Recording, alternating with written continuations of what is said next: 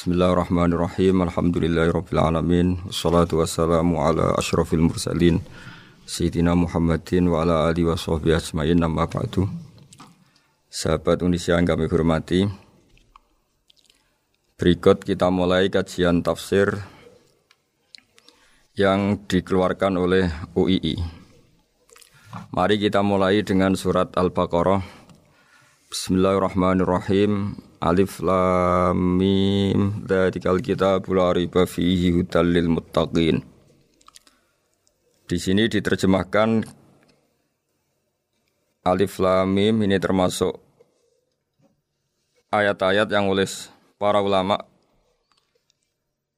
dianggap mutasyabihat. Artinya kita tidak boleh memaksakan maknanya. Kita cukup iman bahwa itu dari Allah Subhanahu wa taala. Ini termasuk ayat-ayat yang kita percaya bahwa ada makna yang diinginkan Allah, tapi kita tidak perlu menduga-duga apa sepersisnya makna itu. Dzalikal kitab la kitab ini tidak ada yang diragukan. Hudal lil petunjuk bagi mereka yang bertakwa. Sahabat Indonesia yang kami cintai, yang kami hormati, muttaqin dari kata kerja ittaqo yattaqi ittiqoan. Maknanya adalah menjaga diri. Ada tiga kelas mutakin dalam terminologi para ulama, istilah yang dikeluarkan para ulama. Satu, mutakin orang yang menghindari perilaku syirik atau perilaku kekafiran. Sehingga menurut para ulama, apa pun faseknya seorang mukmin, apa pun kelirunya orang mukmin, Misalnya pernah mencuri, pernah korupsi, pernah apa saja. Masih dianggap mukmin karena dia masih bertauhid la ilaha illallah Muhammadur Rasulullah. Ini mutakin yang paling kelas pokok, kelas bawah. Kemudian ada mutakin kelas kedua yaitu mereka yang menghindari dosa besar tapi tidak bisa menghindari dosa kecil. Misalnya bisa menghindari dosa zina tapi dia bisa menghindari dosa melihat perempuan yang bukan mahramnya yang bukan halal bagi dia. Ketiga mutakin paling ideal yaitu menghindari dosa besar juga menghindari dosa kecil bahkan menghindari sesuatu yang tidak penting. Ini yang dalam terminologi ulama disebut para wali atau para ulama yaitu yang dalam ayat ala inna awliya Allahi la khaufun alaihim wa lahum yahzanun. Ini penting kami jelaskan kelas-kelas mutakin supaya bahwa mukmin tidak pernah keluar dari status iman meskipun dia pernah melakukan satu kesalahan besar. Karena yang dikatakan mukmin adalah siapa pun yang meyakini kebenaran risalah Muhammad. Risalah yang dibawa Muhammad berarti dia mukmin. Soal dia melakukan dosa atau apa saja itu menjadikan dia fasik tapi tidak keluar dari status mukmin. Ini yang dimaksud dalam sebuah hadis Mangkola la ilaha illallah dakhalal jannah. Siapa pun yang pernah melafatkan la ilaha illallah iman maka dia pasti nanti masuk surga. Kemudian ada beberapa pertanyaan dari para sahabat dengan masa lalu orang itu yang macam-macam Nabi tetap menjawab meskipun dengan masa lalu yang macam-macam. Sebab itu perlu dikaji serius sebagaimana ada yang ditafsir sawi bahwa Mutakin itu dari kata kerja itako yataki itikoan atau itako yataki takwan. Ini maknanya orang yang menjaga diri. Tentu menjaga diri ini ada yang kelas premium, kelas sempurna. Tadi sesuatu apa saja yang bahaya kita jaga, termasuk dosa kecil, melakukan hal yang tidak penting. Ada orang mukmin yang hanya bisa menjaga dari dosa kekafiran, dosa kemusyrikan. Ini pun dengan segala kesalahannya masih ada kemungkinan dimaafkan Allah. Karena Allah pernah berfirman, Inna woha la yaghfiru ayyushraka bi wa yaghfiru ma duna dzalika yasa. Allah tidak akan memaafkan dosa syirik, tapi Allah masih bisa memaafkan atau masih berkenan memaafkan dosa di luar syirik. Kemudian yang perlu di mengerti oleh sahabat Indonesia adalah makna la fihi. Ini yang perlu kami ungkap bahwa Al-Quran ini tidak ada keraguan padanya. Tidak ada keraguan ini yang mudah kita teliti karena kita orang Indonesia, mungkin rasa-rasa sastra Arab enggak kental. Mari kita teliti dari segi makna, karena makna ini rasa dan rasa itu universal. Begini misalnya, dulu orang-orang kafir Mekah karena mereka penyembah berhala, penyembah Tuhan-Tuhan yang banyak, itu memprotes. Mereka memanggil tentu masih Muhammad belum ya Rasulullah. Muhammad, kamu mengajak ke Tuhan berapa? Rasulullah menjawab ke Tuhan yang satu. Lalu mereka bertanya, Muhammad urusan kita ini banyak, problem kita banyak. Tuhan banyak saja tidak bisa menyelesaikan apalagi satu Tuhan. Ini yang diceritakan dalam sebagian ayat disebut Aja'alal alihata ilaha wahida inna hadala ujab. Bagaimana mungkin Tuhan itu satu? Harusnya Tuhan itu banyak karena urusan kita banyak. Lalu Rasulullah dengan bimbingan Tuhan, bimbingan Allah mendatangi mereka kemudian Nabi menjelaskan Tuhan itu adalah ketua kalian, Tuhan itu adalah pimpinan kalian. Bagaimana kalau Anda jadi pembantu kemudian punya majikan banyak, punya penguasa banyak, punya tuan banyak. Kemudian semua tuan-tuan Anda ini memerintahkan Anda dengan perintah yang beda-beda. Apa kalian mau punya majikan atau pimpinan yang banyak? Mereka menjawab tidak Muhammad. Terus mereka akhirnya sadar bahwa problem Tuhan banyak itu tentu lebih sulit, lebih problem karena nanti perintahnya beda-beda, keinginannya beda-beda. Mereka akhirnya tersadarkan bahwa sebaiknya atau seharusnya memang Tuhan itu satu. Jadi Rasulullah Shallallahu Alaihi Wasallam menjelaskan logika bertauhid itu dengan sekian variasi, dengan sekian logika. Kemudian Nabi kedua juga menjelaskan logika kompetisi. Kata Nabi yang karena bimbingan Allah diberi satu pengertian. Andai kan Tuhan itu dua atau tiga, kemudian berebut dalam tahta aras atau tahta yang di alam raya ini. Sebagaimana lazimnya para penguasa. Maka pasti ada yang menang, ada yang kalah. Dan yang kalah tentu gak layak sebagai Tuhan. Ini yang disebut wala ala ba'duhum ala ba'd. Tentu kalau Tuhan itu banyak, mereka akan berkompetisi, akan bertarung. Dan pasti pemenangnya ya satu, karena memang layak jadi Tuhan tetap satu. Sadarlah bahwa orang-orang kafir Quraisy, orang-orang kafir saat itu sadar pentingnya bertauhid. Ketiga, Nabi juga menjelaskan tauhid secara ilmu logika. Begini para pendengar. Kalau dalam teori ilmu tauhid yang agak jelimet dijelaskan begini. Jika ada dua Tuhan, maka alam raya ini enggak menjadi alam. Logikanya adalah dua Tuhan ini bisa kamu katakan sama-sama kuat. Ketika sama-sama kuat kemudian ingin menciptakan langit, yang satu ingin menciptakan bumi, yang satu menolak menciptakan bumi misalnya, atau yang satu ingin menciptakan langit, yang satu menolak ingin menciptakan langit. Kemudian ternyata bumi ini terbukti wujud. Logika awam adalah yang berhasil menciptakan bumi berarti Tuhan, yang gagal atau kudrohnya gagal, kemampuannya gagal tidak bisa menciptakan bumi, gagal menjadi Tuhan. Ini logika awam.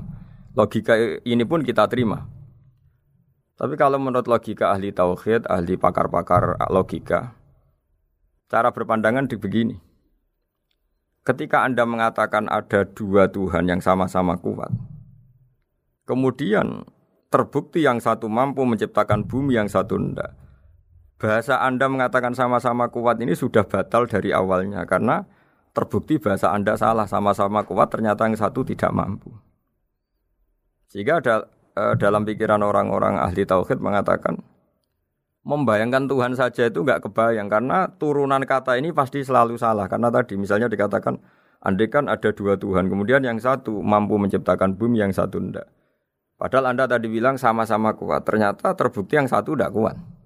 Berarti kata anda sama-sama kuat ini salah. Ini pula yang diajarkan Rasulullah lewat bimbingan Allah lewat wahyunya yang disebut kulau kana fihi ma alihatun illallahu la fasadata karena kalau ada dua Tuhan, pasti kamu sifati sama-sama kuat. Ternyata sifat sama-sama kuat ini batal demi hukum karena ternyata yang satu tidak mampu menciptakan bumi. Atau kamu cipta, kamu sifati dua Tuhan ini sama-sama lemah. Itu tidak mungkin lagi karena ternyata bumi ini terbukti wujud. Pasti penciptanya ini tidak yang sangat kuasa. Jadi logika-logika tauhid sedemikian dibangun oleh Rasulullah lewat bimbingan Allah Subhanahu wa taala. Logika keempat supaya kita iman dan tambah kuat imannya adalah logika yang mudah dicerna oleh kebanyakan orang atau yang bisa diindra. Begini misalnya dalam sebuah ayat di surat Al-Kahfi, kemudian di awal surat Al-Ahqaf, kemudian di sebagian surat At-Tur, ada penjelasan begini. Ketika Rasulullah mengajak manusia menyembah Allah, kemudian orang-orang kafir tanya, lalu Tuhan kamu siapa Muhammad? Tuhan saya adalah Allah menciptakan langit bumi.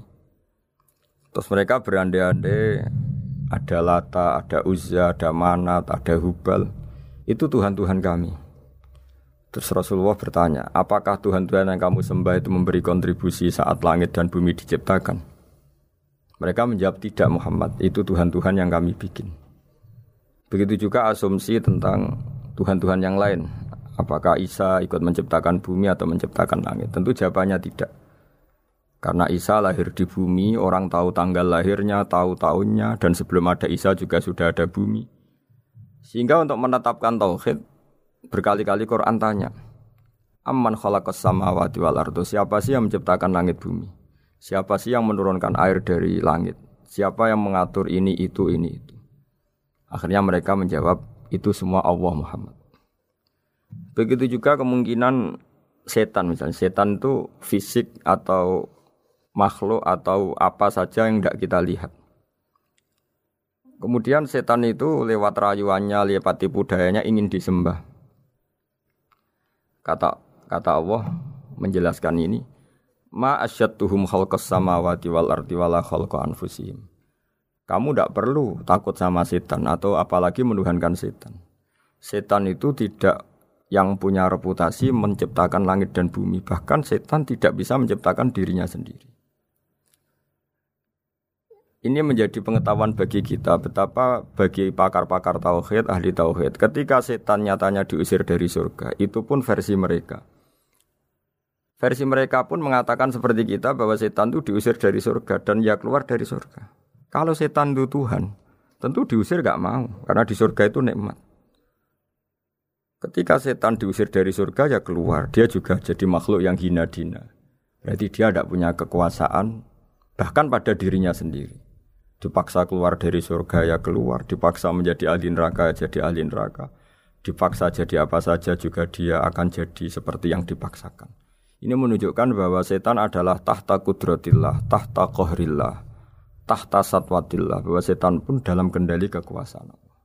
Makanya Allah mengatakan kamu tidak usah menyembah setan, tidak usah nurut sama setan. Setan itu lemah sekali.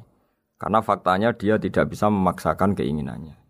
Ini yang oleh Allah disebut dalam firman-Nya inna kaita syaitani dhaifa. Setan itu lemah sekali. Ini perlu saya sampaikan ke para pendengar Unisi bahwa Unisia bahwa bertauhid itu ada sekian logika. Logika kelima adalah logika orang awam. Awam sekali. Suatu saat ada perdebatan antara Abu Musa Abdul Hasan al Ashari. Abdul Hasan al Ashari ini tokoh ahli sunnah paling populer dalam ilmu logika. Dia mengatakan orang menemukan Tuhan itu harus lewat logika yang cermat. Tidak boleh taklid, hanya ikut-ikutan. Dia harus menemukan satu argumentasi bahwa Tuhan atau pencipta langit itu ada. Kemudian ada satu problem di mana orang-orang kampung atau orang-orang yang lugu atau orang-orang awam itu tidak bisa ilmu logika, ilmu mantek kalau dalam bahasa pesantren kata Abu Mansur, kata Abdul Hasan al Ashari, itu masih mungkin. Walhasil para ulama ini meneliti, meneliti ke orang-orang yang lugu, yang di kampung, yang petani, yang lugu sekali. Apa yang mereka temukan? Ternyata mereka punya cara logikanya sendiri untuk menemukan Tuhan, Sang Pencipta. Pernah suatu saat ada seorang petani lugu biasa menggembala unta ditanya, Bima araf tarubak. Lalu kamu yang petani ini yang hanya ngurusi sawah, ngurusi ladang. Dengan cara apa kamu tahu kalau Tuhan itu ada? Si petani tadi marah besar dan dia mengatakan, Al-ba'ratu tadullu alal ba'ir wa asarul akdam yadullu alal masir. Kata petani tadi, yang namanya ada kotoran unta, pasti ada untanya. Yang namanya ada jejak kaki, pasti ada yang barusan lewat. Artinya kalau ada makhluk, pasti ada pencipta. Ini logika awam yang mudah. Kita tidak mungkin mengatakan bumi ini pencipta, mengatakan matahari pencipta. Kelihatan sekali kebendaannya, Kelihatan sekali bahwa bumi matahari tidak punya ikhtiar, tidak punya kekuatan. Kelihatan sekali sifat-sifat kemakhlukannya. Jika benda-benda ini karuan makhluk, pasti menunjukkan bahwa ada penciptanya, ada kholik. Dalam logika bedui tadi, si bedui tadi, kalau ada kotoran sapi, pasti ada sapinya. Meskipun sapinya sudah sekarang nggak terlihat, mungkin sudah jalan ke mana. Sama, kalau ada jejak kaki, meskipun orang yang tadi lewat sudah kita nggak tahu, tapi kita pasti tahu, pasti ada yang lewat. Ini yang dimaksud dalam bahasa Arab al-ba'ratu tadulu alal ba'ir kalau ada kotoran sapi atau kotoran unta pasti ada untanya. Wa asarul akdam ya dulu alal masir kalau ada yang ada jejak orang lewat pasti tadi ada orang lewat. Nah, semua metode ini digunakan semua oleh Rasulullah. Logika yang bagi intelektual, logika bagi kaum awam, logika bagi kaum menengah, ya tidak awam, tidak intelektual. Semuanya digunakan, semuanya jadi media untuk memastikan bahwa logika tauhid ini logika pilihan, logika yang benar-benar logika. Sehingga dalam banyak ayat disebut agama ini di kaum yakilun, di kaum yatafakarun. Bagi kaum yang bisa berpikir, bagi kaum yang punya akal. Lalu kemudian kami teruskan alladzina yu'minuna bil ghaibi. Ini kata ghaibi bukan kayak dalam bahasa Indonesia misalnya setan atau hantu disebut barang gaib. Kata ghaibi dalam bahasa Arab adalah perbandingan atau lawan kata dari al-musyahad yang bisa disaksikan langsung lewat indera. Kita orang mukmin iman bahwa surga ada, padahal kita tidak pernah melihat surga. Kita mukmin iman bahwa neraka ada, padahal kita belum pernah melihat neraka. Ini sesuatu yang maghoba anil absor, yang mata kita tidak melihat, fisik kita tidak menyentuh. Kita pun iman. Asal sesuatu itu mansus ya dikatakan secara eksplisit oleh Quran dan hadis. Kalau dalam bahasa usul fikih disebut al-mansus. Ciri mukmin di antaranya adalah yang paling pokok alladzina yu'minuna bil ghaibi. Iman dengan sesuatu yang enggak kelihatan. Lalu kemudian para ulama cara pandang beda-beda. Bedanya bukan karena mereka bertentangan enggak, tapi ini menurut menurut kelas kelas rasa yang berbeda-beda bagi orang-orang sufi Allah itu tidak bisa dikatakan al ghaib sesuatu yang enggak kelihatan. Karena Allah itu begitu jelas, az-zahir. Kata orang sufi, Allah itu zahir. Begitu juga dalam Asmaul Husna disebut Allah itu az-zahir, begitu jelas. Karena orang yang akalnya mapan, hatinya mapan, melihat satu lemari yang bagus, pasti langsung mensifati bahwa pembuatnya adalah orang yang hebat. Orang yang melihat mobil mewah atau pesawat yang canggih, pasti kepikiran pertama adalah pasti pembuatnya canggih. Sehingga eksistensi pembuat pesawat itu adalah orang hebat, itu langsung tertanam ketika melihat pesawat itu hebat. Bagaimana mungkin seseorang ragu akan kehebatan pembuat pesawat ketika melihat detail-detail pesawat? Pasti langsung kepikiran kalau pembuatnya itu hebat. Memutuskan bahwa pembuat pesawat hebat itu tidak harus ketemu yang membuat, juga tidak harus melihat tapi akal kita pasti meyakini pembuatnya itu hebat. Berarti keputusan menyimpulkan bahwa pembuatnya hebat adalah az-zahir begitu jelas. Begitu juga langit dan bumi, matahari semuanya tertata rapi. Air dengan fungsi manfaat yang sebegitu hebat, oksigen, semua tanaman, buah-buahan. Meskipun kita tidak pernah melihat Tuhan, tapi akal kita, nurani kita, pasti berkeyakinan dan tahu betul pasti pembuatnya itu zat yang super hebat super bijaksana. Sehingga dalam kategori ini Allah tidak bisa dikatakan suatu yang nggak tersentuh, yang nggak terjangkau. Allah itu az-zahir begitu jelas. Sehingga di antara Asmaul Husna disebut az-zahir. Sebab itu saya menganjurkan atau saya punya saran bahwa alladzina yu'minuna bil ghaibi itu contoh paling mudah itu kayak surga, kayak neraka. Kalau Allah sendiri itu az-zahir, mudah diketahui. Karena tadi orang yang melihat pesawat canggih pasti saat itu juga berkeyakinan dan itu pasti benar, pasti pembuatnya juga canggih. Nah, di sini disebut alam raya ini ayat semuanya itu bukti kekuasaan Allah. Dalam syair-syair orang sufi masyur sekali itu wa fi kulli syai wa syai'in ayatun yadullu ala annahul wahidu. Setiap sesuatu kejadian di alam raya adalah bukti keesaan Allah, bukti eksistensi Allah Subhanahu wa taala. Sehingga dalam satu kisah normalnya orang itu paling tahu itu dengan dirinya sendiri. Karena dia adalah dia. Tapi kalau Imam Sibawe seorang pakar nahu mengatakan a'raful ma'arif Allah. Di alam raya ini yang paling mudah dikenali itu ya Allah, pencipta. Karena andai kan kita sendirian di hutan, kemudian kita mulai punya akal, kita mungkin tidak tahu diri kita ini siapa. Tapi setidaknya kita langsung menyimpulkan bahwa kita tidak bisa menciptakan diri kita sendiri. Ketika kita berkesimpulan tidak bisa menciptakan diri kita sendiri, pasti kita terus berkesimpulan ada di luar kita yang menciptakan kita. Nah sebab itu kenapa sifat mencipta ini yang pertama kali dikenalkan oleh Allah kepada nabinya untuk dikenalkan kepada umatnya. Yaitu disebut Iqra bismi rabbikal ladzi khalaq. Muhammad bacalah dengan nama Tuhanmu. Sifat Tuhan yang paling mudah dikenali oleh siapa pun adalah sifat pencipta. Karena ketika seseorang yakin dia ada, dia lahir sudah ada bumi, dia lahir sudah ada langit, dia pasti akan tahu bahwa dia ada penciptanya. Sehingga paling mudah mensifati Allah atau mensifati Tuhan adalah bismi rabbikal ladzi khalaq. Terus kemudian di antara ciri orang baik adalah wa yuqimuna sholat. Kemudian beriman kepada yang gaib, menegakkan sholat. Kata menegakkan adalah dari kata menjaga menjaga aturan-aturan atau sesuai aturan-aturan salat.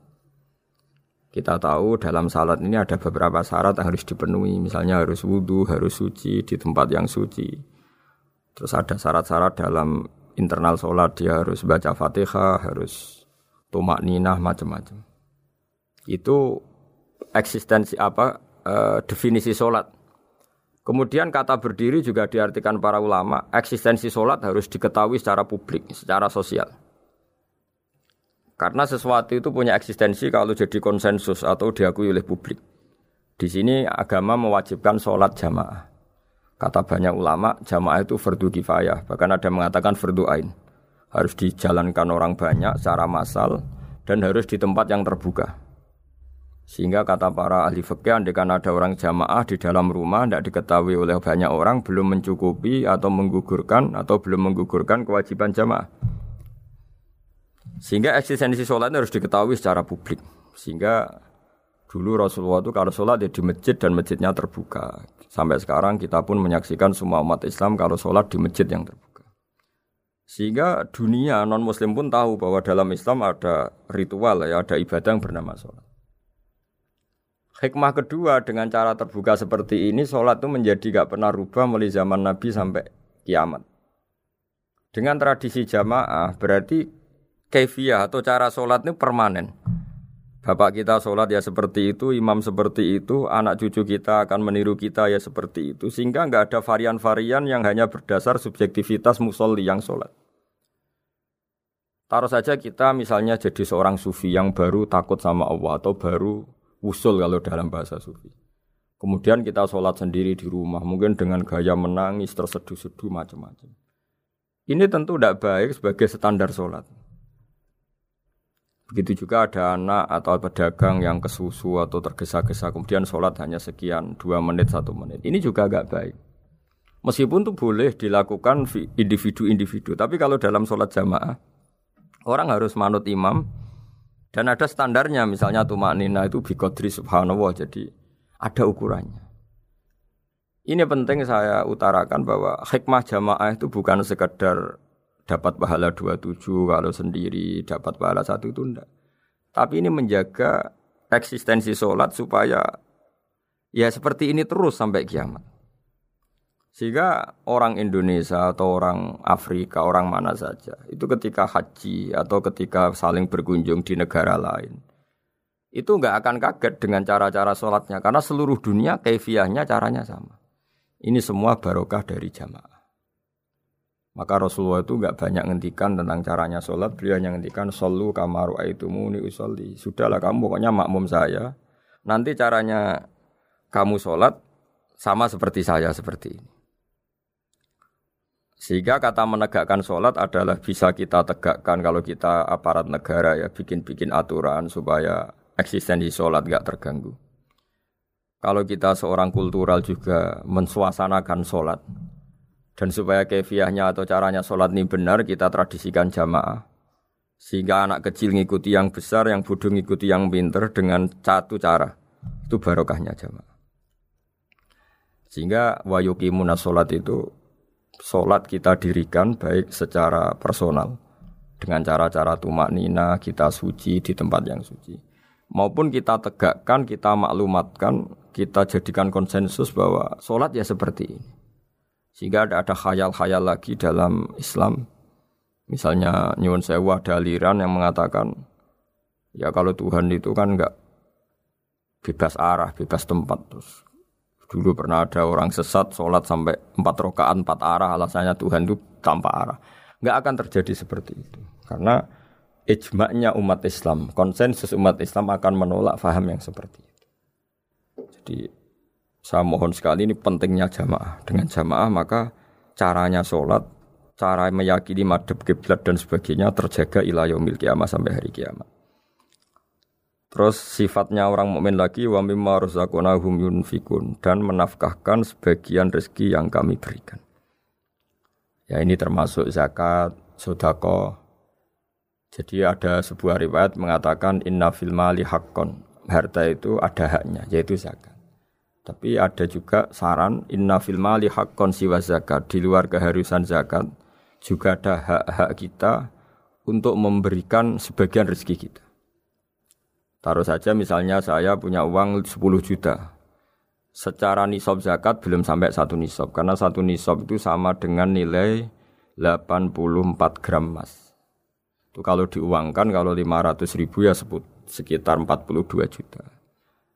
Tapi kita sebelum punya satu nisab pun tetap ada keharusan mengeluarkan sebagian.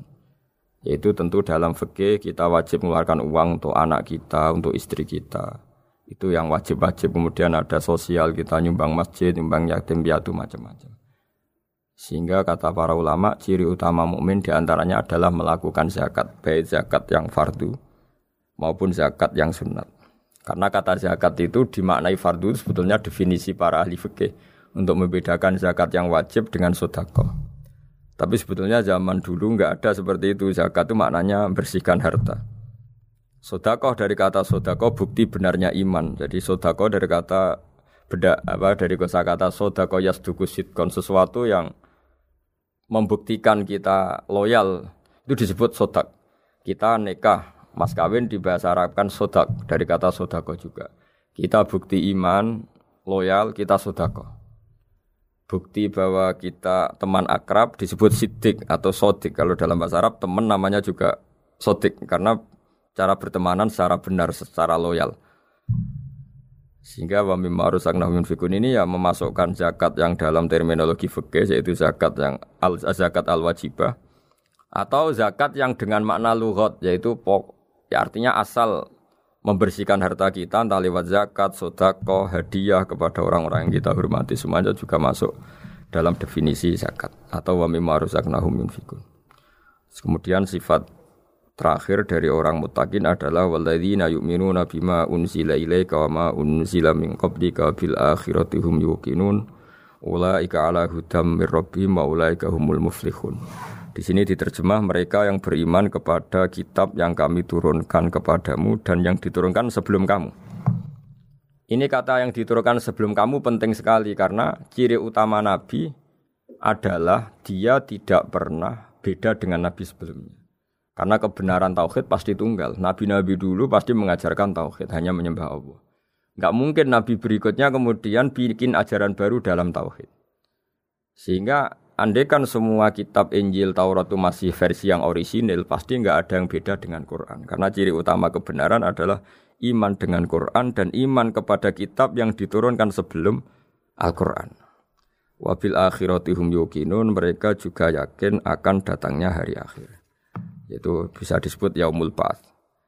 Terus ketika semua kriteria itu terpenuhi baru ulaika ala hudam mir rabbihim wa ulaika humul muflihun. Mereka itulah yang berada pada petunjuk Allah dan merekalah orang-orang yang berbahagia. Para pendengar sahabat Indonesia, semoga kajian ini bermanfaat. Eh, dan ini mulai ayat 1 sampai 5 dalam surat eh, Al-Baqarah yaitu surat yang dalam tartibnya mushaf nomor 2 setelah Fatihah. Jadi kalau dalam ulumul Quran disebut ada surat yang berdasar nuzulul Quran yaitu surat Iqra kemudian Mudathir ada urutan surat yang berdasar tartibul mushaf yaitu yang kita punyai sekarang yaitu Fatihah terus Baqarah dan seterusnya. Dan urutan-urutan ini pun sesuai petunjuk Rasulullah Shallallahu Alaihi Wasallam. Saya kira demikian. Mohon maaf atas semua kesalahan. Wassalamualaikum warahmatullahi wabarakatuh.